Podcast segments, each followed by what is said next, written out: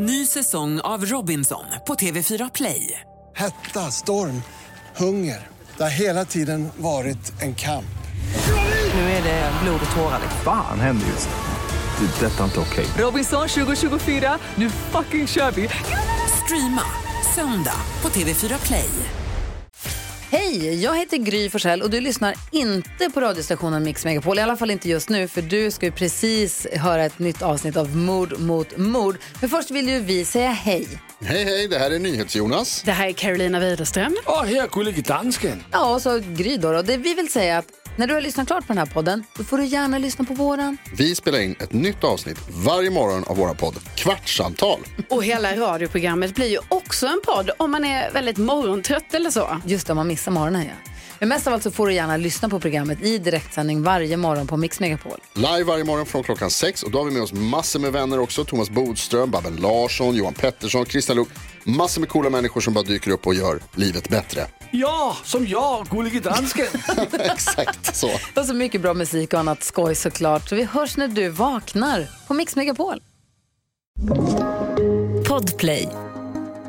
Välkomna Nej men snälla välkomna. till... eh, Även denna vecka har vi en eh, lite specialare där vi har grävt, eh, grävt i arkiven. Exakt, det här är en favorit från arkiven kan man säga. Mm. Och eh, vi hoppas att ni gillade att få göra en liten trip down memory lane för eh, två veckor sedan. Så nu får ni en till chans. Och Mm. den här gången så är det ett... Alltså, det är väl ett eh, avsnitt som har lite av varje, kan man kanske säga. Eller? Det tycker jag verkligen man kan säga. Eh, och att det känns som ett så här... Jag tycker att det här avsnittet liksom fallmässigt typ summerar mord mot mord ganska bra. Eller? Ja, alltså det det liksom är så här, det är lite överlevande, det är lite så fransk överklass. Alltså du vet. Sånt Vill som... ni höra Karin prata franska, vilket jag vet att ni alla vill, för att hon är bäst på det, så är det ett avsnitt för er. Nej, men det måste ju vara något slags liksom, straff jag ger mig själv att jag så ofta återvänder till Frankrike, eller? Ja, men det är för att Frankrike är så underbart. Ja, men det, är också spä- ja, det är spännande. Men det kan ju också vara typ att jag tänker att om jag bara gör tillräckligt många fall så kommer jag sen kunna franska och det hade varit så härligt Så att kunna. pratar du flytande sen. Ja, det tror jag verkligen. Eh, Men, avsnittet som eh, ni ska få lyssna på idag, eh, v- vill du, eh, eh, det är alltså från då sommaren 2019. Eh, Helt otroligt. En helt Exakt. annan värld var det ju då. Du vet vad, vi hade, liksom aldrig, vi hade aldrig tänkt på en pandemi. Nej, vi hade aldrig tänkt på en pandemi, pandemi och vi hade inga barn. Och vi Vi hade bara oss, jag fyllde 30, det kan man väl ändå säga var kanske sommarens höjdpunkt det året. Det tror jag verkligen. Det, tror jag Eh. verkligen. Och det här var ju innan då jag fick ett barn på din födelsedag. Så det här var back, eh, Ja. tillbaka på den goda var- tiden när du när- slapp dela Alltså, din stora dag. Kul. Verkligen. Take me back. Alltså är det om inte ni helt också vill sjukt? minnas den här sommaren så är det här perfekt för er. Exakt, och det är alltså då avsnitt eh, 72. Ehm, du berättar i det här avsnittet om Dawn Weiss. Um, Ja. Det gör jag. Och eh, det är ju en klassisk I survived story och den är stark, Ja, den om jag får säga det själv. Alltså, det är ju inte min story, utan det är bara jag som återger den, så jag får väl säga det. Den är Det stark. Det är verkligen, nej, och verkligen. du då, Jag berättar ju då och du har gett om... biljetter till Frankrike.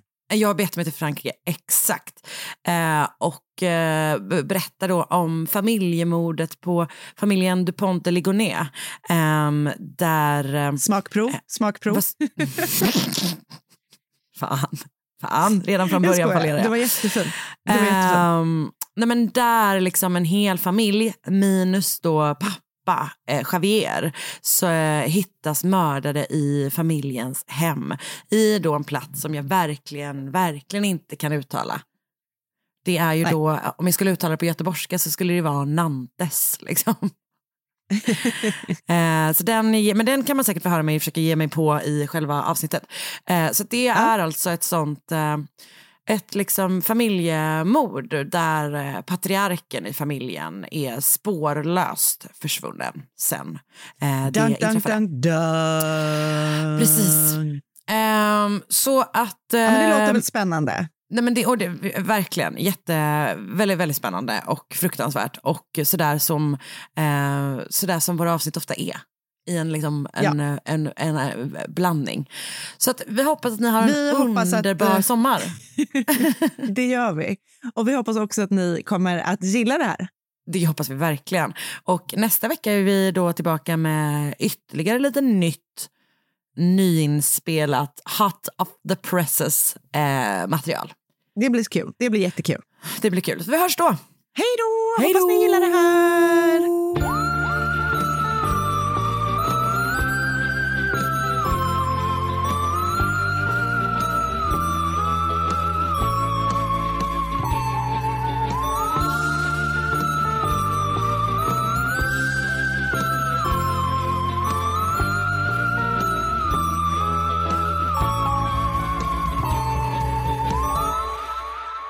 Hej! Hallå till dig som lyssnar på det här. Välkommen till Mord mot mord. Mm, eh, verkligen, hoppas du mår bra. Eh, jag heter Karin André och med mig har jag också min ständiga kollega Anna Sandell. Ja, det Även låter vän. negativt att säga ständiga kollegor tycker jag. Va? Ja. Det låter som att jag aldrig kommer säga upp mig från jobbet. Det låter mer som så här, ja, nej, jag antar att du är min ständiga kollega nu då. Men det har varit värre om jag kallar dig för min ständiga sekreterare. Men Gud det inte let's sant. face it, det är faktiskt inte sant. Det är verkligen inte sant. Du är min ständiga vän, Ja. min ständiga vänskapskärlek, Ja. min ständiga favoritperson, Ja. min ständiga inspiration Ja. och min ständiga drottning. Ja, allt tillsammans tillbaka till dig. Tack snälla. Det blir, låter inte lika trovärdigt om du inte säger det. Men det var en lång radda. Ja, men jag kommer inte ihåg allt, det var så fint. Mm, tack. Och vi vet Vänta, ju så alla- det du gjorde var att du bara körde tillbaka kaka. Mm, spegel för alltid. Spegel för alltid, bra. Ehm, Det känns bra. Du har just intagit en pose eh, som, det känns lite grann som att du jag gör tränar. flutter kicks. Ah, det är just det. Du, du, du tränar core. Eh. Vill du följa med mig någon gång och gå på det här B-core? Vet du vad, jag pratade med någon som också hade varit på den. Ditt, ditt jobbigaste pass. Som också pratade om att hon hade ont i hela kroppen. Ja, det vill jag. Men jag är väldigt rädd att jag kommer faceplanta. Du kommer inte det. Jag du lovar dig. Ja, Vad gör man om man inte orkar? Man, man tar en paus. Lägger man man sig ner då? Ja, man bara vilar. Alltså, det, man är helt eh, fri. Liksom. Men en önskan. Ja. Jag vill gå på ett pass där det är ganska många där. För jag vill inte vara utsatt. Förstår Men det är aldrig så många där. Man är typ alltid bara så mellan... Ibland har jag varit två personer. Åh gud, mitt värsta. Och ibland, typ som i söndags var vi tio kanske. Ja men det är okej. Jag vill bara ha, jag vill bara inte känna mig så utsatt. Nej, men, och, men de, det är, alltså det är, man, känner sin, man är så himla inne i sin egen värld. Alltså, Okej. och man är liksom själv, helt och hållet. Tänk om du kommer skratta åt mig då. Jag skulle aldrig göra det. Det, Jag skulle aldrig göra vet du det. vad, jag vill inte att du ska lova någonting du inte kan hålla. Jag skulle aldrig göra det. Den enda gången jag skrattat åt en person som jag var och tränade med, Ja. det var när jag var med min mamma på Zumba. Åh gud vad roligt. Nej men alltså det var det roligaste. Alltså jag skrattar. jag har sett det hela mitt liv. Alltså det var det roligaste. Och jag Berätta, kan beskriv. inte, jag har ingen taktkänsla heller. Nej, nej du är inte liksom så, Jag är ingen sexig zumbadansare om man säger. nej, en mer så sexig valsdansare. Kanske det. Mm. Så jag, är typ mer en, jag är mer kanske en sexig stå still person. Stå i baren person. Verkligen, ah gud alltså så sexig en bar. Mm, Tack. Nej men alltså mamma du var och det, det, jag kände mig också så himla så här, det kändes så larvigt för det kändes som att jag var ett barn som bara, åh jag skäms för min mamma. Ah, ja. Men det var inte det ens utan det var, Det det var komedi. Hur, på vilket sätt? Hon liksom, du, vet, du, du vet det där klippet Gav hon sig hän? Ja, nej men inte riktigt för hon kände sig också dum för vi är så här två stela långa personer liksom, som Ja. alltid har varit så här. "Uah." Ni är inte lösa i höfterna liksom. Absolut inte. Ehm, och, men liksom, det, jag vet inte, det var bara... Du vet den, det klippet som figurerar på, in, på Facebook ganska ofta. När någon så här, taggar den som tränar så här på passet och någon går så här åt fel håll och bara helt Ja, inte med i aerobicspasset. Det var mamma. Vet du hur mycket jag skämts för min mamma när hon har dansat? Men alltså varför gör man Alltså, det? får- det måste vara var- inbyggt. Det var liksom när jag var yngre också. För då var när jag höll på med hästar. Då var det liksom alltid så ryttarfester hette Ja. det. Eh, på tävlingarna. Och alltså min mamma och hennes kompis Sus. Två underbara personer. Men de Men dansade de alltså? dansade Du vet, och gav sig hem. Gud vad roligt. Och ofta var det för att det var så jävla lerigt för att det alltid var dåligt väder. Så kanske de hade på sig typ så en klänning och sen har de gummistövlar på sig. Och så dansade de alltid. Det fanns en specifik domare Mm. som också alltid dansade som galningar. Och det var liksom så pinsamt. Men varför är det så pinsamt när vuxna dansar när man själv är ett barn? Alltså man kommer inte tycka så om sig själv när man är 45 och man är på Fan vad liksom 50-årsfest och man liksom har feeling. Det är ju typ det finaste man, vi kommer ha. Jag vet, vi kommer ha det ja, men våra barn kommer skämmas som Men fucking djur. varför? Det är som tredje säsongen av eh, Broadchurch utspelar sig bland annat på en 50-årsfest. Då finns det ett klipp när det är typ några ungdomar som säger bara så här, äh, säger någonting om just det här att gamla dansar. Nu Och när det, vi är inne på det här med Broadchurch igen. Det där känner jag igen. Undrar om det bara är att jag inte har sett säsong två. Ja, kanske. Då är det liksom, för då kanske typ att de dansar till så Start me up Ooh, if you start me up I never stop. Och du vet att det är, men det är något pinsamt med vuxna som ger sig hän. Det är Och, sjukt. och jag tycker att det är fel. För jag är glad för vuxna som ger sig. Ja, men det är ju som att man önskar att alla vuxna har, alltså och med alla Kul, vuxna. också kul att jag är 31. Varför Ja, men när jag, jag när jag pratar vuxna då pratar jag liksom 50, 50, ja, plus. verkligen. Det är ju som att jag hoppas att alla som är 60 plus fortfarande har ett aktivt sexliv. Gud ja. Alltså, jag hoppas att det aldrig tar slut. Men jag har berättat om det, det som, som jag brukar skoja med Marcus om, som gör honom mest obekväm av allt. Nej. Som är att jag, för att jag inser att det gör honom så himla himla obekväm, brukar jag säga att jag hoppas att våra barn får väldigt aktiva sexliv. Det var också, Oskar, miss, Oskar misshörde mig när vi pratade om våra framtida barn och så trodde han att jag sa att jag hoppas att vår son får en stor penis. och jag bara, men alltså, är inte jag den sjukaste? Men vad sa du då? Nej men jag vet inte vad jag sa. Jag hoppas att, mina, att min, om jag får en son får en liksom regular sized penis. Så att det inte är problematiskt. Men inte så att det är problematiskt men också så att han fattar att typ så här ansträng dig. Mm. Du vet det är likadant som att man hoppas att man inte får för snygga barn. Nej, Jag tror kanske inte att det kommer att vara ett problem med mitt och Marcus inte för mig heller tyvärr alltså. För att då kom- kommer de inte utveckla en personlighet. Nej exakt. Och lite grann samma sak är det med eh, killar som har för stor penis. Är att de aldrig utvecklar liksom en sexuell personlighet. Förstår du vad jag, Jag menar? De lär sig aldrig att ge. Jag har aldrig träffat någon. Alltså jag har träffat sådana men jag har aldrig träffat någon som har så stor penis menar. Det har jag. jag, har en hem- Hjälp! jag har en hemma. Förlåt, jag har också en hemma. Nej. Gud vad snuskigt det blev nu. Verkligen. Roligt, det men, gläder mig. Men, men. Men Eh, vet du vad, alltid när vi spelar in två avsnitt så tycker jag, eh, då, det gör mig alltid glad för att jag vet om att försnacket i det andra kommer vara lite så här. eh, det var, vad var det vi började? Föräldrar som dansar. Just det, din mamma på Ehm, Zumba. Mm, men just det. Stopp, jag hade du mer säga. har inget mer på det. Har du sett din pappa dansa? Ja, Hur dansar han? han är väldigt liksom stelbent men ändå svängig. Alltså, han har ju spelat mycket instrument och sådär men han är gubbsvängig. Ja. Alltså tänk dig så här. Det här är ju inte tv. Det här är liksom, ja vet du vad han är? Nu ska jag berätta exakt vad han är. Han är vit. Det är han. Det är han faktiskt. Nej, men, och vad är grejen med att, att eh, gamla personer utvecklar en väldigt nära relation till axlar och händer när de dansar? Alltså jag har det nu tror jag. Ja, du har Redan. inget i höfterna liksom. Ja, kanske lite men. Men, för, men, men min mormor gjorde ju väldigt mycket ha- hand, hon var ju dansade ju ofta, Så här dansar. gärna på bord dansar ju min mormor. Så här dansar alla gamla. Ja, men det är liksom alltid henne, exakt. Som, att de, som att de trummar med händerna i Ja, luften. men det är som att de trummar med händerna, först ena handen på den, eh, på den ena handleden och sen byter de till andra handen på den andra handleden. Nej, Så. Låt oss aldrig bli såna gammeldansare. Låt oss Eller? alltid bara vara sexiga i baren. Men tänk om vi, nej jag tror inte vi kommer vara dansare. Jag är ju ingen stor dansare. Vet du vad vi kommer vara? Vi kommer liksom sitta i baren och skräna. Alltså, vet, en, Det vill säga ja, exakt vad vi gör nu. Exakt. Och vet du vilket, vilket tema låten för mig alltid är i mitt liv? Nej. Jag dansar aldrig nykter, aldrig, na, na, som jag inte riktigt kan uppenbarligen. Men, eh, jag, de gångerna jag dansar, Också att du klämde mig i fingrarna. där blev jag 65 år Gud, gammal. jag vet, jag fick skamsköljningar. Ehm, de enda gångerna jag faktiskt verkligen tycker att det är riktigt kul att dansa och dansa mycket, då är jag riktigt full. Ja.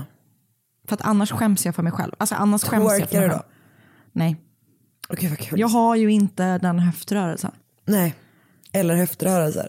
Nej, Nej. lite höftrörelse har jag men jag är mer... Eh, Ja, det är mer en, eh, lite av en viftande axel. Ja. Och så en, ena, en, en eh, hand lite grann i luften. Ja. men jag tror att om du sänker den handen lite grann så börjar du närma dig 60-årsterritoriet. Visst, visst. Nej men det är svårt att dansa med värdighet. Om man inte Ja. kan dansa. Och det är verkligen det man har insett. Jag kommer ju också från typ så indievärlden. När dansa är typ att man kanske så går lite med fötterna, viftar med en näve och sen sjunger man med i Shoreline. Mm, deppigt. Också, vad är jag? Jag är vit. Ja, och deppig. Och deppig var man. Det hörde till. Det var en del av min kultur Ah, att man var deppig. Och jag var ju så dålig på att vara deppig. Mm. Det var jättejobbigt. Jag försökte bara vara svår och deppig. Men istället så var jag bara så superglad. Så det sättet jag hanterade det på var att, när, Marcus har påmint mig om det i efterhand, att när vi började ses Mm. så beskrev alltid jag mig själv som grund och glad. Men det är ju också det mest felaktiga. Grund och sorgsen. Ja. Mm. Ehm, jo, jag ville, jag ville bara ta upp en grej. Som jag lyssnade på den här fruktansvärt hemska Ja. P3-dokumentären om Rohypnol Ja, och våldtäkter. Alltså det, det jag ger mig sån jävla panik. Ehm, just den här känslan av att så här, jag kan inte gå härifrån Mm. för jag får inte med min kompis. För hon ligger liksom utslagen. Och jag kan, det går inte. Alltså det, det är ju ens värsta mardröm på alla sätt och vis. 100 procent. Eh, men en grej som jag tyckte var så starkt i den var att du har lyssnat på halva nu. Mm. Har du kommit där till när de intervjuar en snubbe på rättsmedicin? Vet inte. För det är en snubbe som alltså jobbar med liksom just droger eh, på rättsmedicin. Som, eh, det, fin- det finns då ett problem för att man inte typ vet, tydligen är det Rohypnol, man måste liksom söka specifikt på det för att få utslag. Ah, okay. Jo men det här känner jag igen att jag har hört. Eh, minns du, eh, om, om du har hört det så tror jag att du minns det här, att han som, som gjorde de testerna, han bara, "Ah, jag brukar alltid testa alla droger på mig själv. Gud vad sjukt. Men det är starkt. Jo. Och för att han bara liksom, när det var nya då kanske, inte bara alltid. Eh, för att han typ behövde, han bara jag behövde urinprov att jämföra med och sådär. Fan, så att han sjukt. liksom suttit hemma, tagit Rohypnol. Och sen bara, men alltså, jag upps, alltså, det Alltså, är då är man verkligen committad, verkligen. Men det var bara så himla sjukt att han bara, nej men jag satt hemma och så tog jag en sån Ro- Rohypnol liksom. För att jag skulle typ testa hur det är på det, men liksom kunde ta urinprov dagen efter och sånt. Och då sa han också, han bara, jag kunde inte röra mig. Fan vad det var, liksom en, det var en, en medicin som skrevs ut. Alltså han personen, en av de personerna som dömdes för det, Mm. han hade fått det utskrivet som sömnmedel. Nej usch sluta. Nej men? Nej, men du behöver inte berätta hur det slutar helt och hållet. ah, nej nej, nej. Eh, det gör jag absolut inte. Men att bara att det var ett sömnmedel som gjorde att man liksom inte kunde röra sin kropp. Mm. Nej. Alltså, det det låter ju är- som sån där, um, nu har jag tappat vad det heter, du vet när man, det är någon sån här drömstadie. Um, ja, mm, sömnparalys. Ja, Har du haft det någon gång? nej det verkar så jävla läskigt. Jag vet. Det verkar så jävla jävla läskigt. Men jag har haft ett extremt rikt drömliv de senaste Mm. veckorna. Och jag vet att många människor hatar När man berättar om drömmar. när man berättar om drömmar. Jag gör inte det. Jag hatar ju när andra berättar om sina drömmar. Men du hatar Men när jag andra berättar. älskar att få berätta om mina egna drömmar. Okej, berätta. Ja, men det, just nu har jag faktiskt ingenting intressant, men jag har drömt så mycket liksom så, här, så verkliga drömmar. Så att, och jag bär med mig dem så länge så att jag bara, men var det så här? Att du vet, det var, det var så närvarande så att jag bara, men, men har det här hänt eller var det det jag drömde i natt? Ja. Och jag känner mig liksom nästan lite trött på morgonen när jag vaknar för att det har liksom Du har varit varit ute på en sån resa. Ja. Och det är inte alltid så roliga grejer men det är väldigt, väldigt verkligt. Häromnatten så undrade jag verkligen vad, eh, vad Marcus drömde för att jag vaknade tre gånger av att han piskade mig i ansiktet med sitt hår. Stress. Ja just det, stress. Men vad är det för konstig stress? När det bara är att man drar sig i håret och... Ja. Det var väldigt, du vet vad? Ingenting jag rekommenderar. Nej. Det var, det Jag hatar att vakna också av andra människors drömmar. Och när någon drömmer mardröm, att man är så här lugn, lugn. Men jag, jag väcker ju Marcus så varje natt eftersom jag drömmer att det är någon i vår lägenhet typ varje natt. Det är hemskt. Men det är typ inte hemskt. Det bara är så. Mm. Jag har liksom aldrig reflekterat över det men jag tror ju verkligen det kan ju ha att göra med att jag läser jättemycket om mord. Ja. Kan vara det. Ja, ja. Ska vi prata lite om mera mord? Ja. Ny säsong av Robinson på TV4 Play. Hetta, storm, hunger. Det har hela tiden varit en kamp. Nu är det blod och tårar. Fan händer just nu. Det. är Detta är inte okej. Robinson 2024, nu fucking kör vi! Streama söndag på TV4 Play. Ett poddtips från Podplay. I podden Något Kaiko garanterar östgötarna Brutti och jag, Davva, dig en stor dos skratt. Där följer jag pladask för köttätandet igen. Man är lite som en jävla vampyr. Man har fått lite blodsmak och då måste man ha mer. Udda spaningar, fängslande anekdoter och en och annan arg rant. Jag måste ha mitt kaffe på morgonen för annars är jag ingen trevlig människa. Då är du ingen trevlig människa, punkt. Något Kaiko, hör du på Podplay. Därför är gardinerna.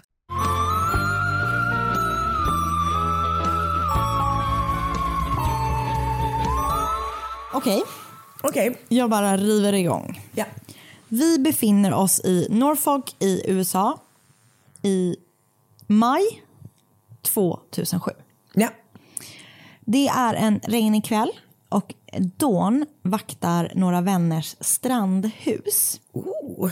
Och med sig har hon sina två döttrar som är nio och sex år gamla. Pappan till barnen är militär och är på tjänstgöring i Irak. Och då är det ändå som sagt några vänner som har bett om att vakta huset medan de är bortresta. Vilket är en av de konstigaste grejerna. För varför behöver man vakta ett hus?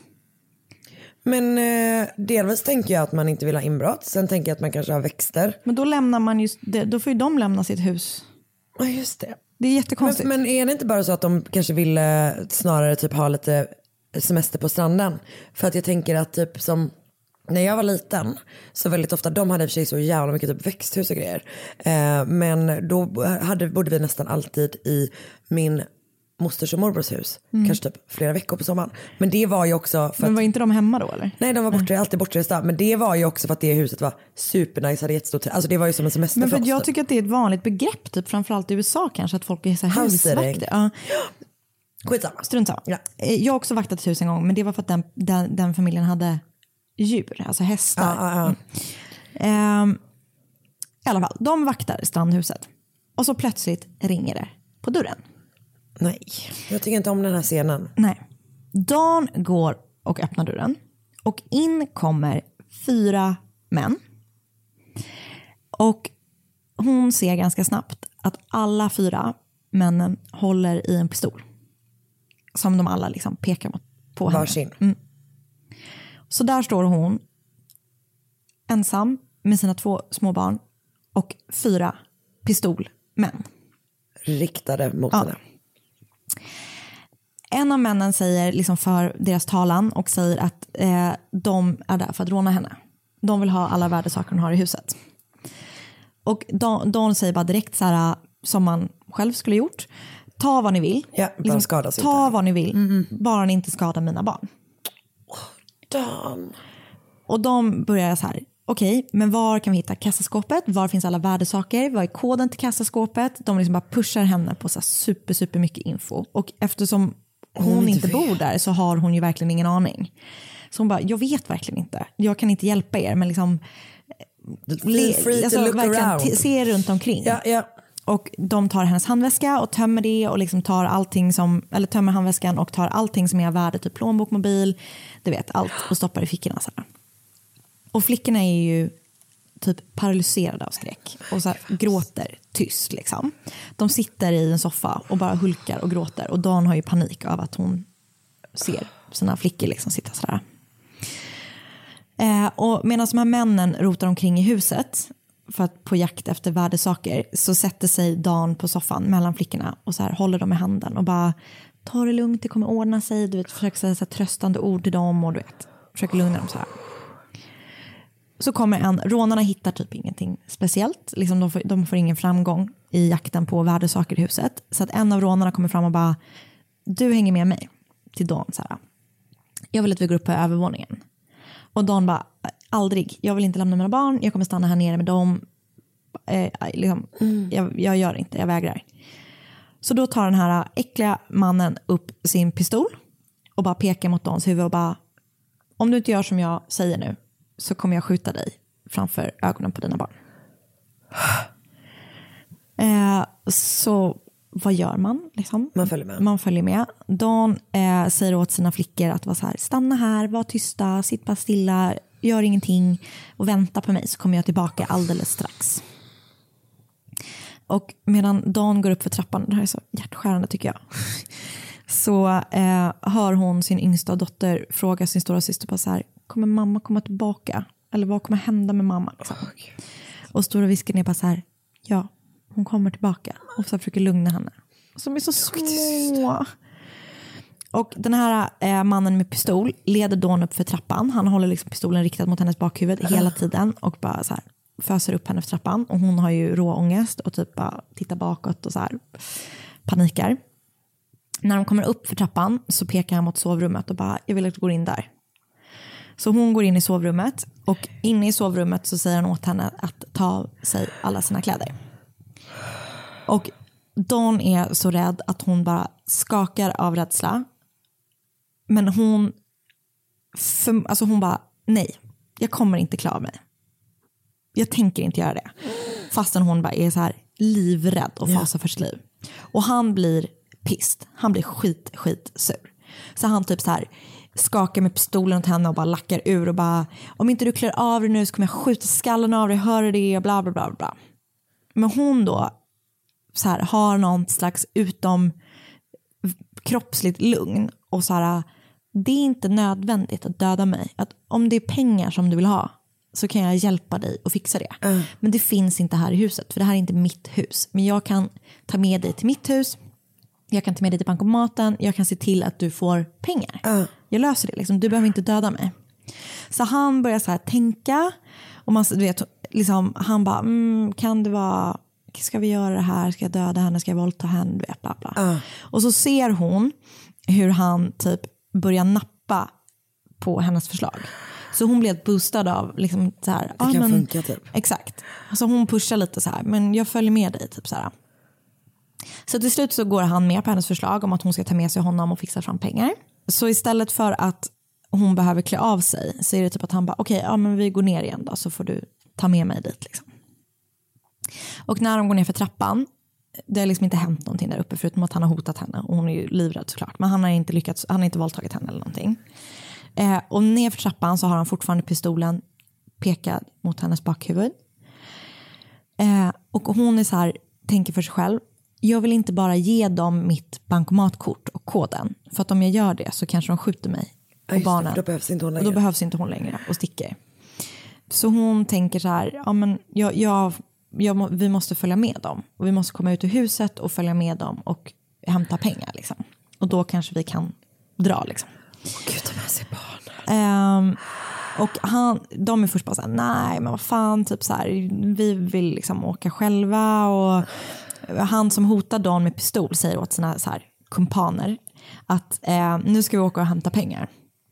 Eh, och de dividerar fram, fram och tillbaka om hur de ska göra. Och så, så landar rånarna, eller liksom de här polismännen i att Vad han... Pistolmännen? Ja. Polismännen du? Ja, pistolmännen. Jag bara, de är ursäkta? inte, nej, de är inte poliser. Eh, Då, då kommer de fram till att de tycker att ehm, han som har hotat henne och haft med henne upp och en till ska följa med Dan till banken eh, för att ta ut pengar. Medan två av dem ska stanna och Med vakta barnen. barnen. Åh, fy fan. Så hon får panik igen och bara, jag kan inte lämna mina barn. Jag vägrar lämna dem ensamma här. Ja. Så hon börjar skrika och så protestera eh, mot det. Liksom. Och hon, då börjar hon så här, liksom lite boostad av sitt mod. Så hon börjar skrika och skrika och hoppas att en granne ska höra. Eh, och männen blir typ så helt chockade av att hon gör motstånd och bara vad fan är det som händer? Och en av dem säger så här, varför bråkar du ens med oss? För det är ju vi som har pistolerna. Varför liksom, håller du inte bara käften och gör som vi säger? Det är ju vi som sitter liksom På all makt. på all liksom. makt. Ah. Eh, och hon säger då bara så här, nej men det spelar ingen roll vad ni säger. Jag kommer inte att lämna mina barn. Så om inte, jag, om inte jag får ta med mig dem så kommer jag inte åka alls. Så de börjar så här dividera vad de ska göra och de verkar vara helt utan en plan. Alltså det verkar som att de bara Fy fan vad läskigt. Och så bestämmer de sig för att alla ska följa med i bilen. Alltså alla fyra och barnen. Nej men gud. De bara, okej vänta, vi måste hyra en minibuss. Ja men verkligen. Och Dawn är liksom bara så här, ja okej, vi ska alla trycka oss in i min ganska lilla bil. Men det är bra, du, liksom ett hopp tänds inom henne så här. Kanske kan jag liksom få barnen till trygghet om vi nu alla sju personer åker i den här lilla, lilla bilen. Kul att tänka sig att det sitter typ så fyra pistolmän ihopträngda. i- Alltså, det är så, det är så typ förnedrande barn, att sitta. barn i knä.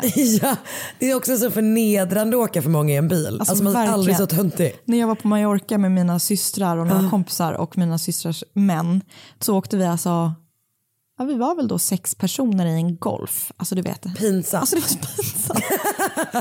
när vi kom ut, vi skulle åka på så marknad, när vi kom ut så var det bara vi öppnade dörren och alla bara välte Ja, men som en sån jävla clownbil Alltså, kommer det här gänget ut. verkligen. Ehm, Okej, så men de så ska... de i alla fall, hon bara så här, okej, det här kanske, kanske kan funka. Så hon har ju typ ingen plan, liksom rånarna inte har en plan.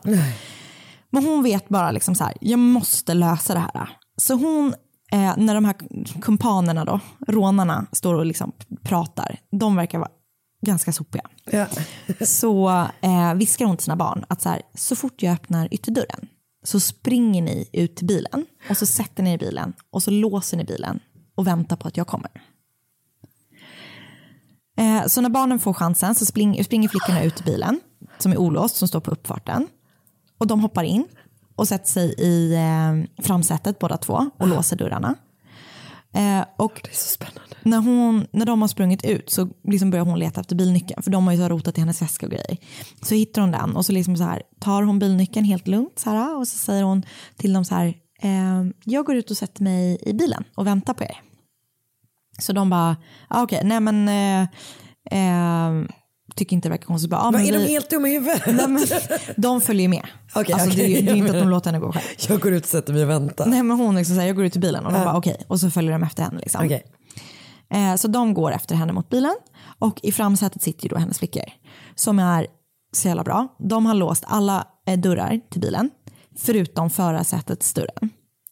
Och de här männen fattar inte att alla dörrar är låsta. Så Dan sätter sig i förarsätet och låtsas som ingenting. Och så fort hon har satt sig så låser hon sin dörr.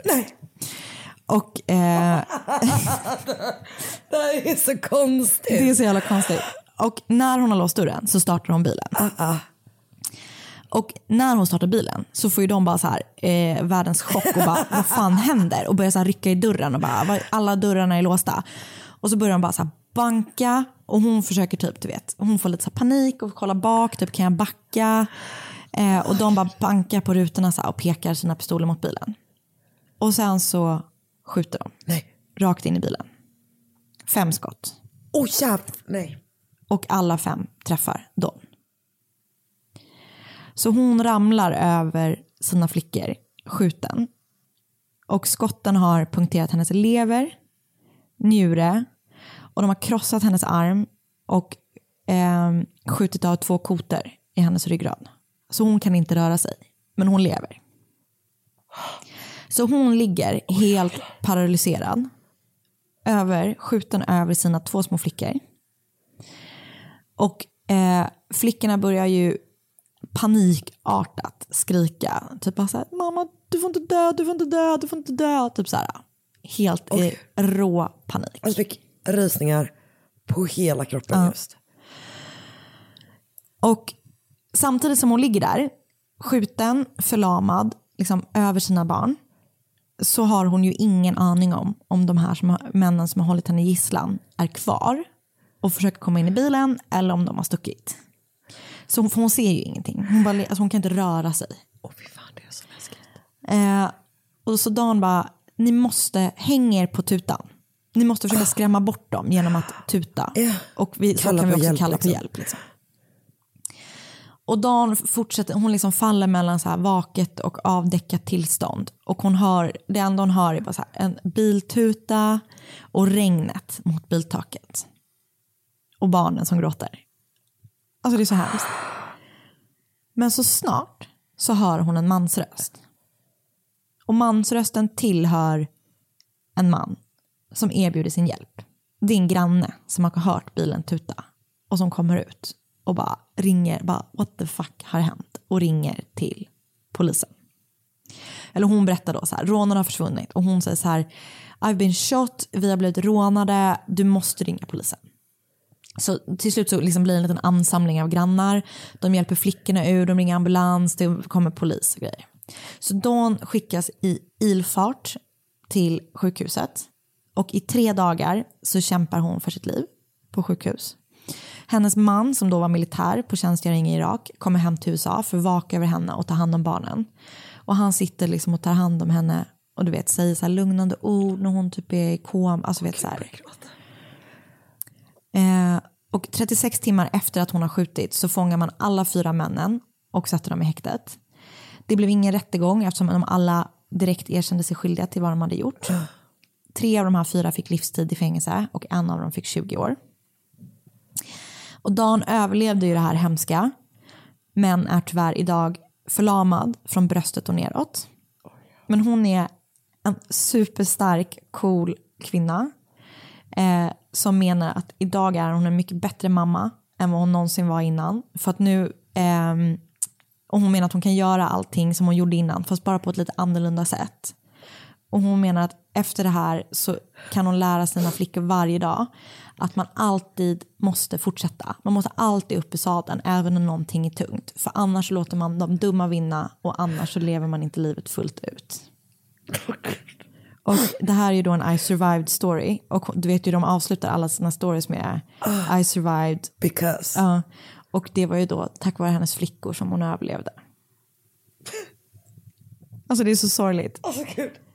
Det är så stark story. Och det här är då courtesy helt och hållet till I survived som är typ världens bästa story. Eller serie. Så det här var historien om Dan och hennes små flickor. Alltså gud. Jag har rysningar på hela kroppen. Alltså, jag känner liksom Alltså, aldrig i den här poddens historia haft så nära till tårar. Ah, Alltså, man blir tokig alltså. Också att du berättade det så bra. Tack. Åh jävlar. Men alltså... För jag trodde att det bara skulle vara skoj. Det var ju fruktansvärt. Jo, nej, men jag vet. Jag, för jag blev också... När det bara... När man bara, när man bara, nu kommer det lösa. Ja, och sen så blir det en... Alltså för det som är... Alltså alla sådana I survived är ju med om, de är ju alla med om hemska saker. Ja, och fruktansvärda.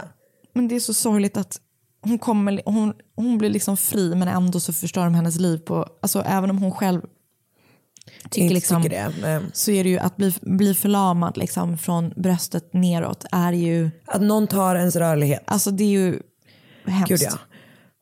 Åh jävlar. Vad sjukt det där var. Ja, den är, det var hemskt. Och allt för att de inte ville tränga upp sig i baksätet. Mm. Nej, eh, men alltså. Man skulle vilja veta lite mer eh, tycker jag om hur de hittade till huset. Alltså vad, vad som hade gjort att de... Vet, vet vad? Vilka du inte de att- var? tror Var de bara var- pundare? Ja, nej, vet du vad? Tror du inte bara att det var fucking... Coincidence? Nå, delvis eh, precis till ren tillfällighet men också typ att det var för de var ju uppenbarligen inga proffs. Nej men det är det jag menar, jag undrar om de var all, alltså, det hade Jag tänker att de var typ så här- tagit något eller... Jag tänker att de var unga. Alltså Ja, jag tänker för- att de var tonåringar som bara var så här, eh, ville ha Det är intressant att du säger det, för hon säger i början att hon tycker de ser ut som tonåringar. Man får aldrig reda, reda någonting om Nej. deras ålder. Nej för de går inte ut med efternamn i I survived. Nej. Alltså, det är ganska- brukar vara ganska svårt att hitta dem. Nej alltså på Mm. riktigt. Jag, tror att det är, jag tror att det är unga personer som fan eh, där saker och ting har ballat ur. Ja. Alltså uppenbarligen så har de ju när de, De har ju ingen plan. de har ingen plan. Nej men för precis i början så, minus det här med att han liksom säger åt henne att ta av sig kläderna och allt det där. Och att de har pistoler. Så känns det ju som, igen, som du pratade om i förra avsnittet, så här Kalle Anka-brott. Ja, typ. ja. Att de är så här förvirrade rånare typ. Exakt, det är björnligan som är där. Exakt. Det var bara så en jävla chock att de sköt henne fem gånger. Ah. Och att de alla skott träffade henne. Aj, jävlar vad sjukt det där var. Vidrigt. Åh gud jag är skakad. Ja. Wow. Ny säsong av Robinson på TV4 Play. Hetta, storm, hunger. Det har hela tiden varit en kamp. Nu är det blod och tårar. Fan händer just nu. Det. är Detta är inte okej. Robinson 2024, nu fucking kör vi! Streama söndag på TV4 Play. Ett poddtips från Podplay. I fallen jag aldrig glömmer djupdyker Hasse Aro i arbetet bakom några av Sveriges mest uppseendeväckande brottsutredningar. Går vi in med hemlig telefonavlyssning och, och då upplever vi att vi får en total förändring av hans beteende. Vad är det som händer nu? Vem är det som läcker? Och så säger han att jag är kriminell, jag har varit kriminell i hela mitt liv men att mörda ett barn, där går min gräns. Nya säsongen av Fallen jag aldrig glömmer på Podplay.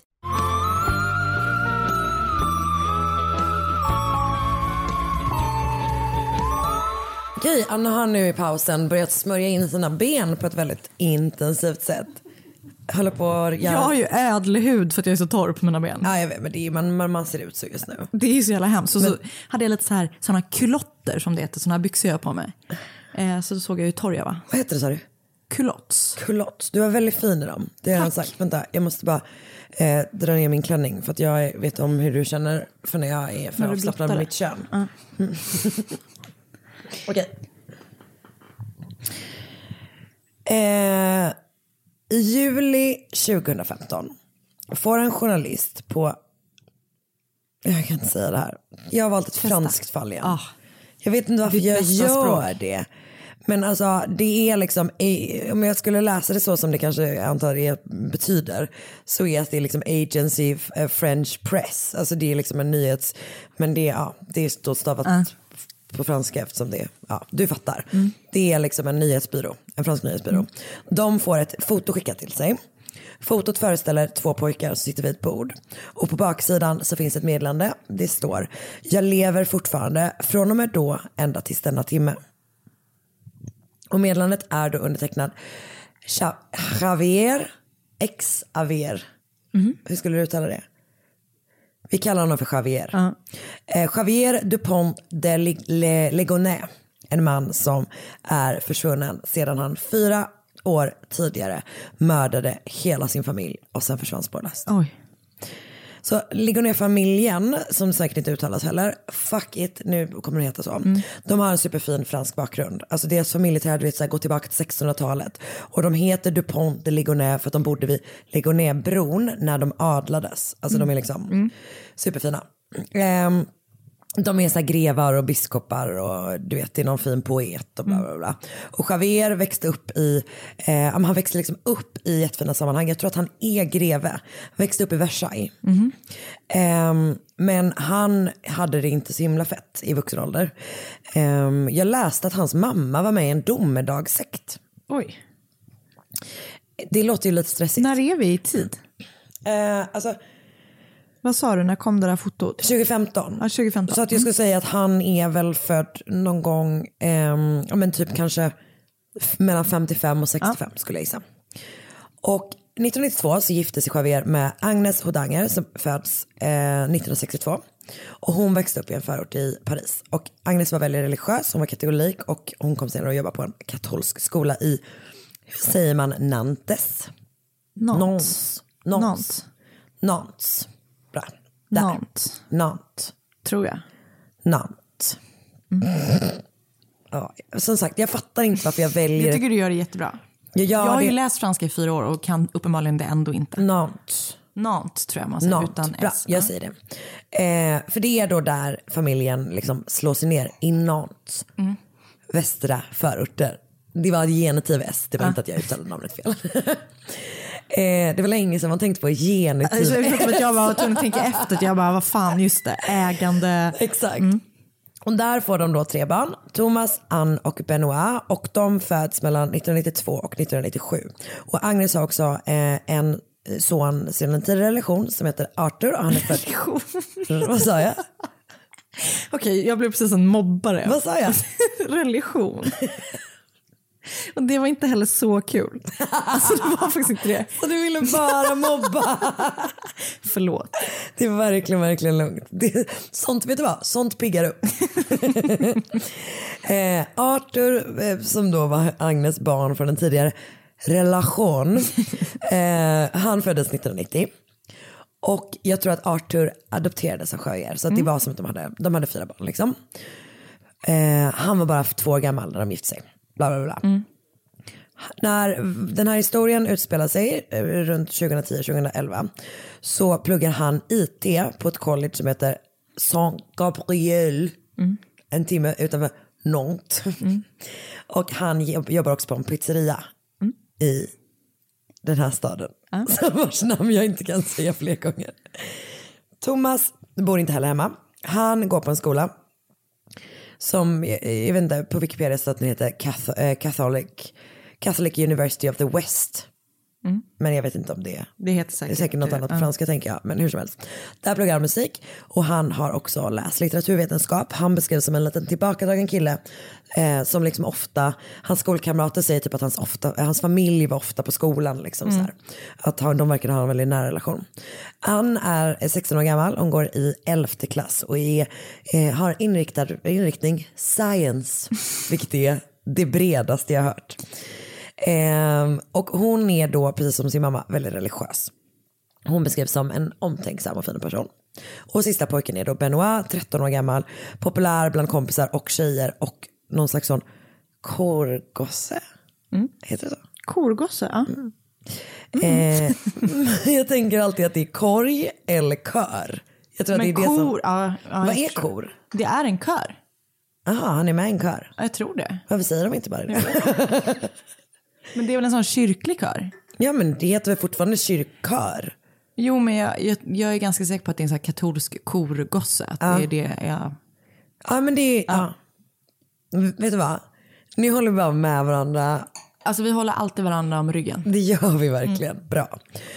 Och eh, det är lite oklart vad Javier jobbar med. Eh, han verkar ha sålt något. Ja, men det räcker för mig. Eh, det är, men folk verkar lite, lite oklara på vad hans business ventures egentligen är. Han har startat ett gäng före- företag. Däribland Han är entreprenör. Men han är entreprenör fast han är riktigt dålig på det. Du, di- det- han är lika bra entreprenör som dina, de i din historia var bra eh, inbrottstjuvar. Han startar bland annat en restaurangguide med inriktning just på eh, säljare. Så att man antar att man re, door to door salesman eh, ska då kunna äta på Det var ganska bra tycker jag. Fast vänta nu, hur många försäljare är det egentligen som åker runt i landet längre? Alltså jag kan tänka mig att det är vanligare i Frankrike än i Sverige. Min, min morbror, eh, instickare. Min morbror, eh, det här måste ha varit typ under 80-talet någon gång. Säg, det var innan han fick barn, men säg 86 kanske? Ja.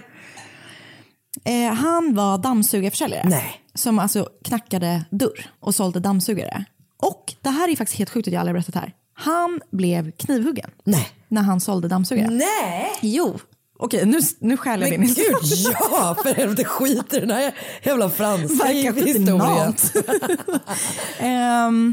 Jo, eh, förlåt. Nu tar jag... Det här, Nej, jag berättar kör, snälla. Han var ut någon förort till Stockholm, jag minns inte vilken. Och så hade han liksom varit i ett hus och så var det så här, plingarna på hos en, dam som bodde i liksom, så här lägenhetshus.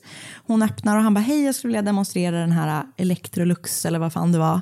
Nya dammsugare, får jag komma in och dammsuga ditt kök? Typ. Hon bara, ja absolut. Så här. Och så sitter Otto, min morbror, och eh, typ, eh, du vet, fixar med någonting på golvet med dammsugaren. När han bara får, känner bara världens jävla smärta och bara tuppar av typ. Han tuppar inte riktigt av. Utan han hör hur den här tanten genast går och ringer polisen och säger jag har knivhuggit en person här. Och sen sätter hon på sig kappan och väntar på att polisen ska komma. Och hon vill ju då bli omhändertagen. Alltså hon har sökt hjälp massor av gånger och inte fått hjälp. Så hon, hennes lösning då är att knivhugga min morbror. Var? I ryggen. Och det var typ så här, nu visar jag, ungefär tre centimeter eh, nära hans ryggrad. Oj jävlar. Mm. Så jävla sjukt. Och det hände ju ingenting fysiskt liksom. Han fick väl, jag vet inte exakt hur han, men han hade ju typ lite så PTSD. Nej. Det är faktiskt helt sjukt att jag aldrig berättat det. Det är helt sjukt. Passus, dammsugarförsäljare. Jag tror också att det kanske, det här var alltså 86, det är ju då 30 år sedan nu. Men, Men gud, dömdes tanten, vet du det? Jag tror hon blev omhändertagen. Ah, jag vård, vet liksom. faktiskt inte. ja. Mm. Eh, Jag vet faktiskt inte exakt. Hände. jävlar, Men han fick ju vittna och sånt där. Men skitläskigt. Fan Mm, vad sjukt. Så sjukt. Men så det, det Ja. jag ville komma till, att jag tror att det kanske var vanligare i, jag tror fortfarande att det kanske förekommer i Frankrike, för Ja. de ligger så långt efter. Alltså, jag tänker med Det internethandel tror jag typ inte är lika utsträckt där. Ja, nej men, och jag, jag tror att du har helt rätt. Förutom att eh, han under 2010 på den och alla hans andra business hade tjänat totalt 4, 40, 4 000 euro. Okej, kanske inte supervanligt. det är inte jättebra. eh, men nej, bra. Och jag tänker att den här företagsidén behöver inte vara just door-to-door salesmans. Det kan ju vara folk som kör last... Alltså, det Jag kan vet, ju, fast han sa att det var just försäljare. okej, okej. Vilket var, det, du kanske, han borde gjort en annan målgruppsanalys. Ja, Javier, I'll help you. Eh, nej. Nej. han är borta. Han är borta. Mm.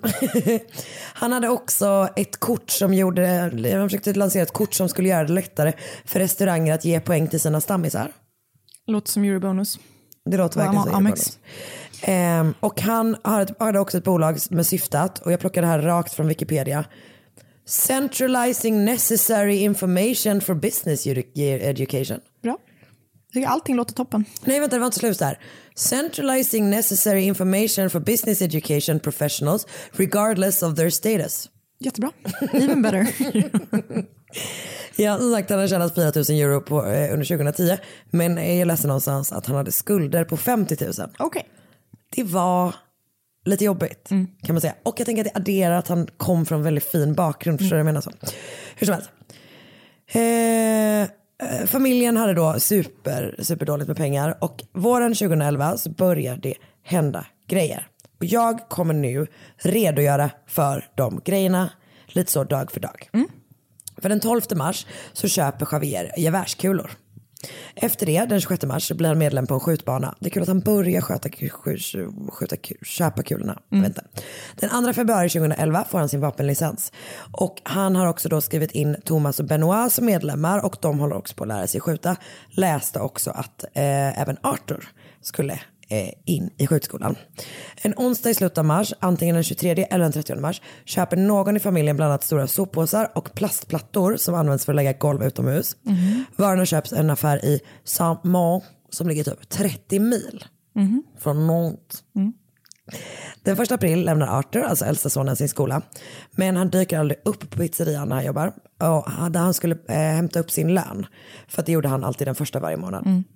Eh, och hans chef typ reagerar på det för att han, det var verkligen så här. Han kommer, han är Alltid. inte den som väntar med lönen en sväng. Han är som vi. Han är som exakt som vi, precis.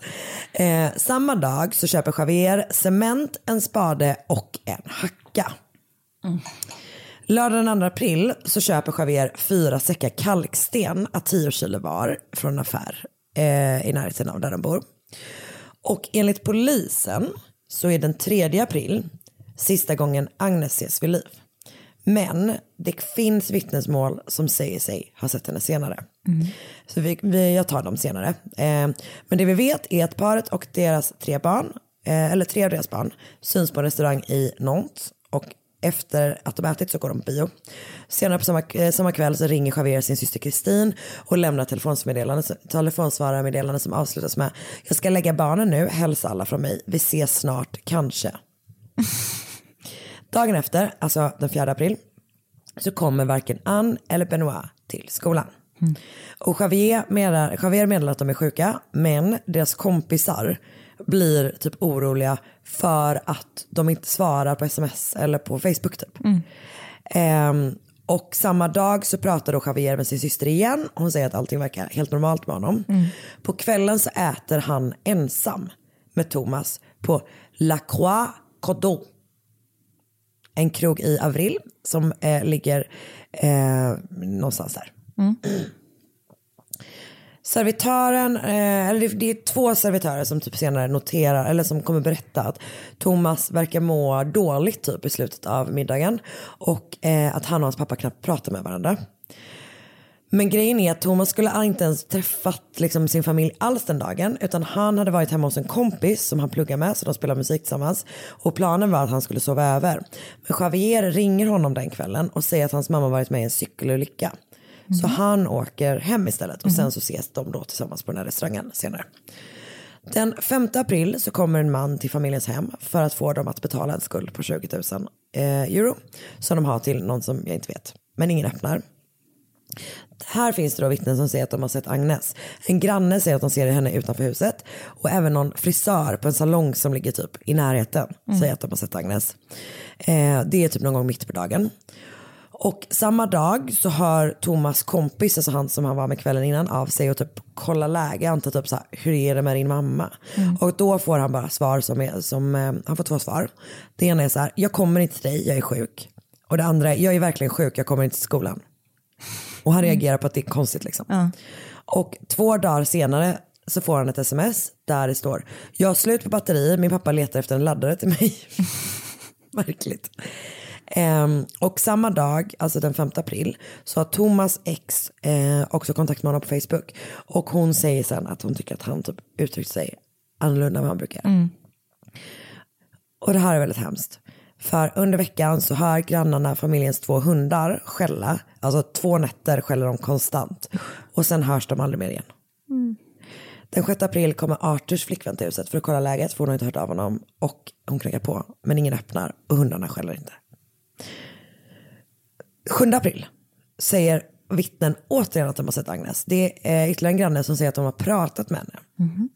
Men, eh, och att hon var ute och gick med hundarna. Men samma dag så ses då Javier packa eh, sin bil med typ flera stycken stora väskor eller påsar. Typ Mm. att han går fram och tillbaka och liksom fyller verkligen upp bilen. Eh, den 8 april skriver Javier på ett katolskt forum som han är väldigt aktiv på. Där han har skrivit weird grejer Mm. typ. Och det gör, han är inte särskilt troende utan det är framförallt hans fru som är liksom aktiv. Men han, är, han skriver där i alla fall. Han skickar också något mejl till sin svåger och typ något meddelande till sin mamma och sin syster. Och det är sista gången tror jag som någonting liksom reggas från familjens IP-adress. Okej. Tre dagar senare så får Anne och Benoits skola ett brev undertecknat Javier.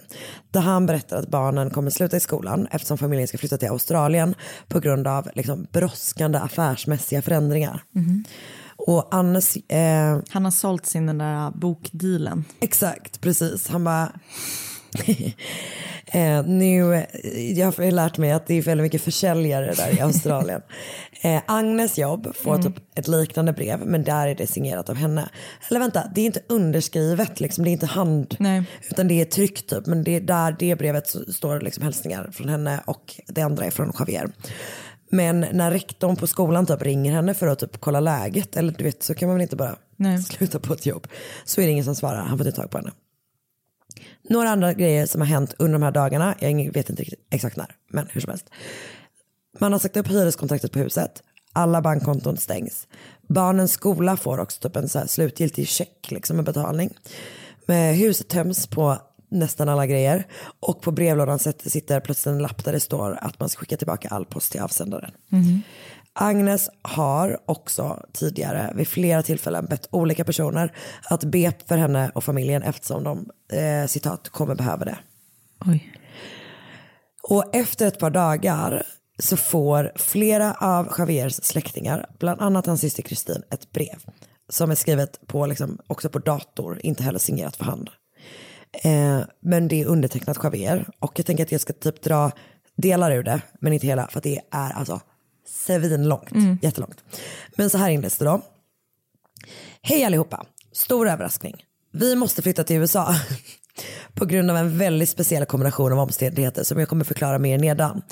Ni får det här brevet, brevet via snigelpost eftersom vi under de kommande åren inte får kommunicera på något annat sätt av säkerhets, äh, säkerhetsskäl. När ni, när ni får det här brevet kommer vi inte vara i Frankrike och vi vet inte när vi kommer kunna återvända.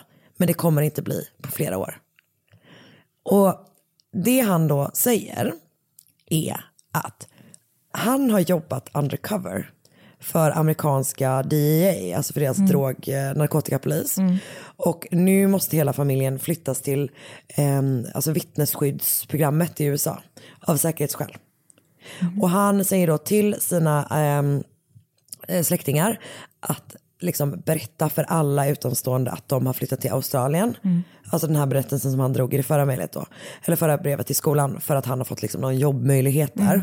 Och han ger alltså instruktioner om vad som ska hända med alla saker som de behöver lämna kvar. Alltså du vet så här, vem som ska få vad och hur det ska vara med huset. Och det, det, alltså du vet verkligen så här, eller inte huset för det äger de inte. Men alla grejer delas upp i liksom stycke efter stycke efter stycke. Det är extremt detaljerat.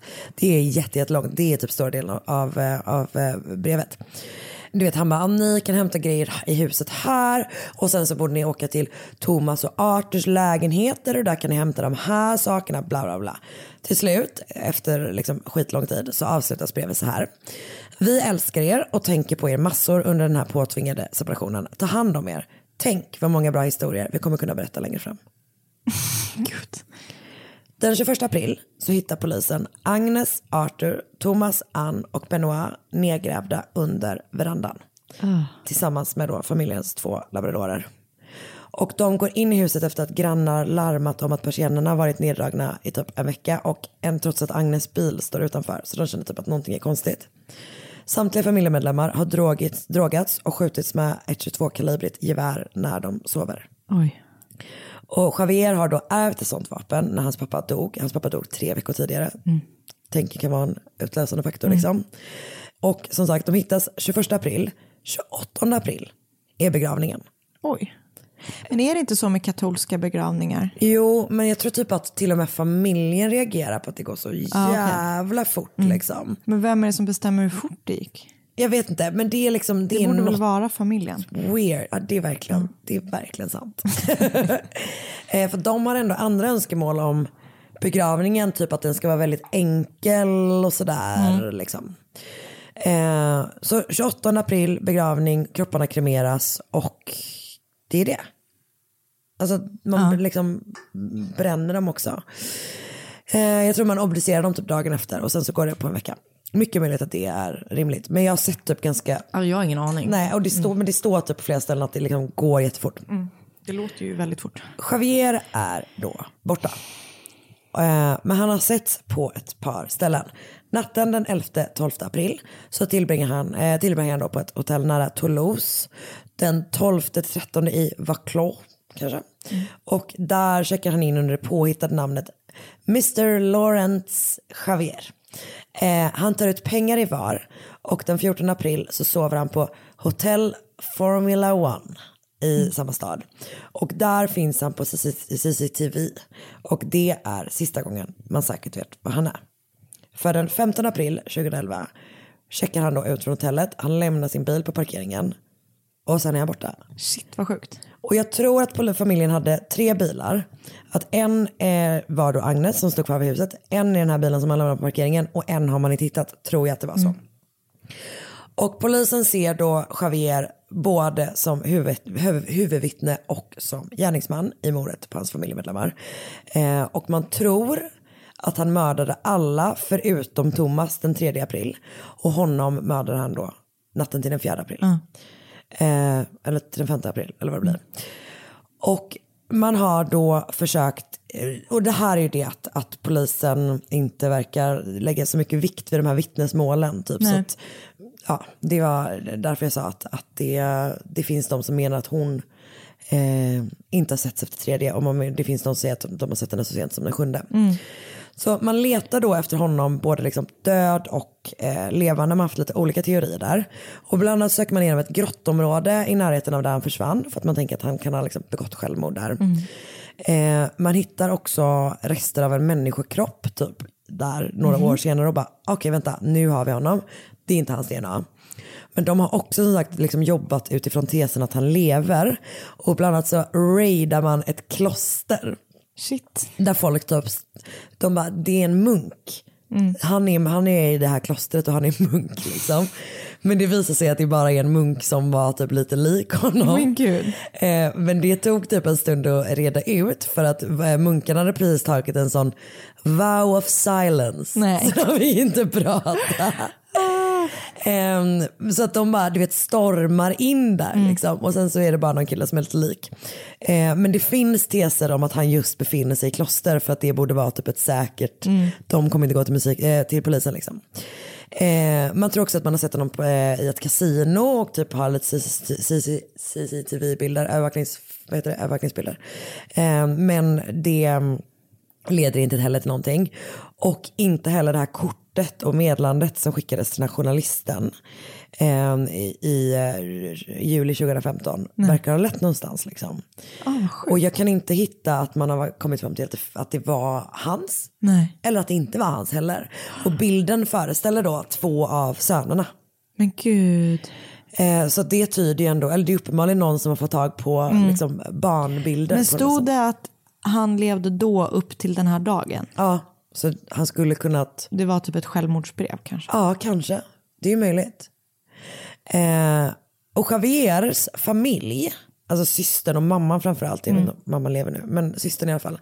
De driver liksom stenhårt tesen att familjen är i USA. Hela familjen? Hela familjen. De menar att de inte är döda. Va? För deras teori är att det är andra kroppar som har hittats under verandan. Och säger att typ längd och storlek på kropparna inte matchade Nej. familjen. De säger också att eh, de heller inte alltså, testat DNA mot Agnes DNA. Utan det enda polisen har sagt är att samtliga som hittades under verandan, liksom, man kunde se på DNA att, att det, var, en familj. Mm. Eh, de säger också att Javier inte hade kunnat gräva den här gropen själv. För att hans familjemedlemmar, eh, alltså han hade ont i ryggen typ. Mhm. Alltså gropen där, liksom graven där, Ja. där de begravdes typ.